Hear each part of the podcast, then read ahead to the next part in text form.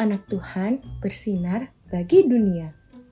Renungan tanggal 22 November untuk anak balita sampai 1 SD. Tuhan memilih. Diambil dari 1 Samuel 16 ayat 7b. Manusia melihat apa yang di depan mata, tetapi Tuhan melihat hati. Mentari sedang sibuk mewarnai. Tiba-tiba, Mentari, itu pensil warnaku ya? Tanya Kak Bulan.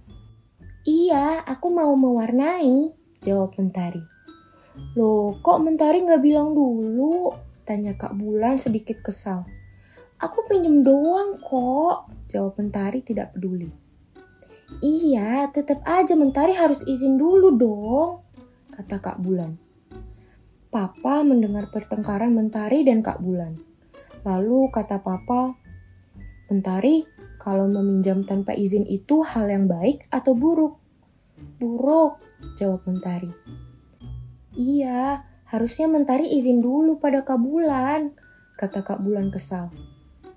Kak Bulan, marah-marah itu juga bukan tindakan yang baik loh, kata Papa menenangkan Kak Bulan.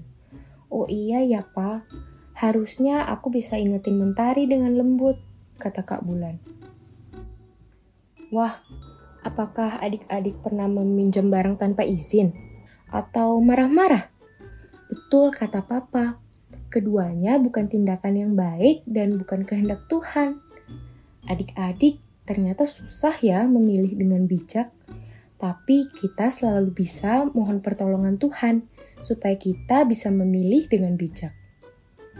Untuk adik-adik yang punya bukunya, yuk sekarang adik-adik lingkari tindakan-tindakan yang baik di bawah ini ya. Mari kita berdoa. Tuhan Yesus, aku mau belajar memilih sikap yang sesuai dengan kehendak Tuhan Yesus. Terima kasih Tuhan Yesus. Amin.